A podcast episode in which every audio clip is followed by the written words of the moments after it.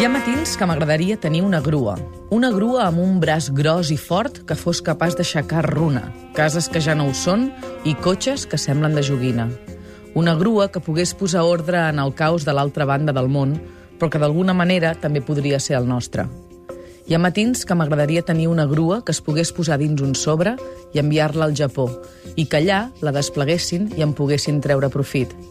Avui pot ser un d'aquests matins, perquè a les 12 del matí només cal anar a Casa Àsia de Barcelona i construir una de les mil grues d'origami en solidaritat amb el poble japonès. I un cop fet això, podem fer moltes altres coses. Coses petites, coses colossals, coses íntimes, coses multitudinàries. La qüestió és fer coses, encara que siguin petites grues de paper.